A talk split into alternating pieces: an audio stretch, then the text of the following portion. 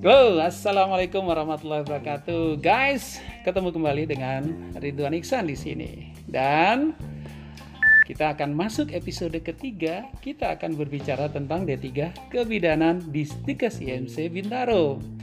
Dalam program Halo Stikes IMC Bintaro ini, nah di episode kedua kemarin kita sudah bicara tentang S1 keperawatan dan kali ini untuk D3 kebidanan bersama saya sudah ada Ibu Tantri Weni selaku Kaprodi D3 Kebidanan Stikes IMC Bintaro. Apa kabar Bu Tantri? Selamat siang. Selamat siang Pak Ridwan, kabarnya luar biasa. Bapak apa kabar? Baik, baik, luar biasa. Nah, Bu Tantri banyak yang nanya nih uh, D3 kebidanan di Stikes IMC Bintaro ini apa sih? Keunggulannya apa sih? Apakah sama dengan S1 keperawatan atau punya keunggulan lain dibandingkan dengan yang lain? Silakan Bu. Ya, terima kasih Pak Ridwan. Uh, sebelum kita bahas tentang prodi, uh, kita terlebih dahulu untuk mengetahui definisi bidan dulu ya Pak ya. Iya, iya. Bidan mm. adalah profesi yang sangat memiliki andil besar terkait dengan periode emas anak atau seribu hari pertama kehidupan. Mm -hmm.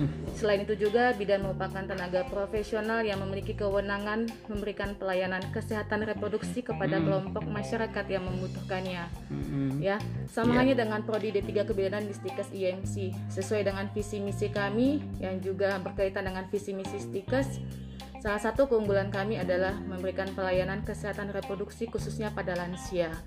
Sehingga nanti pada saat mahasiswa lulus menjadi bidan, hmm. mereka tidak hanya untuk menolong persalinan tapi juga memberikan asuhan kesehatan reproduksi kepada masyarakat khususnya lansia. Nah, iya. untuk perbedaannya D3 kebidanan dengan uh, kampus yang lainnya apa sih ya? Di sini kami ada dua program. Mm-hmm. Ya, program yang pertama kami akan memberikan kesempatan kepada mahasiswa yang menginginkan untuk berangkat ke luar negeri khususnya untuk ke Jepang.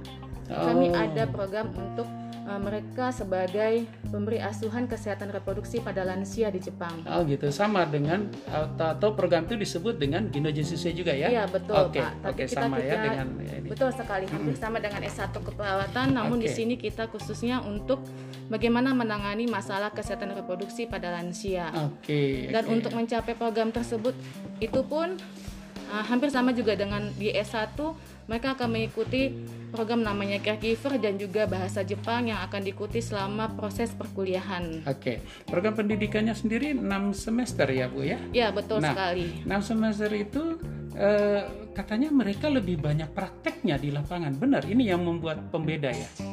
Betul sekali Pak. Hmm. Untuk uh, khususnya untuk D3 kebidanan itu hmm. karena itu adalah vokasi jadi mereka oh. lebih banyak uh, mendapatkan praktik sebanyak 60% dan 60%. juga teori 40%. Oh.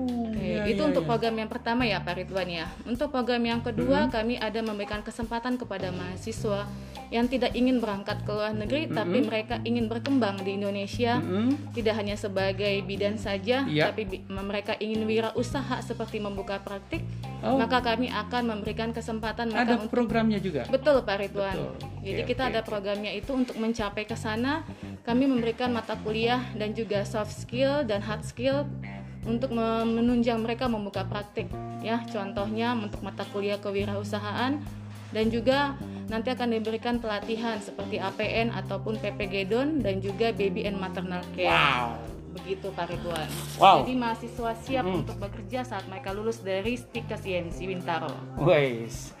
Jadi guys, demikian banyak banget kelebihan-kelebihan kalau memang kamu menetapkan pilihan untuk kuliah di D3 uh, eh, kebidanan Stikas IMC. Dengar-dengar Bu Tantri rahasia aja mereka katanya dapat beasiswa juga ya beasiswanya apa sih betul sekali Pak Ridwan ya kebetulan hmm. uh, tahun ini program kita ada beasiswa namanya beasiswa KIP Kartu yeah. Indonesia Pintar. Mm-hmm. Jadi uh, bagi mahasiswa yang uh, calon mahasiswa yang sudah mendapatkan Kartu Indonesia Pintar sejak SMA, mereka boleh melanjutkannya dan masuk di prodi D3 Kebidanan. Oke, baik. Sampai pada beasiswa KIP. Nah, saya tekankan sekali lagi bagi kamu-kamu yang pengen mendapatkan kesempatan kuliah gratis untuk program D3 Kebidanan ini, silahkan urus kartu KIP dan apa itu KIP, prosedur seperti apa, episode keempat akan menanti. Bu Tantri, terima kasih.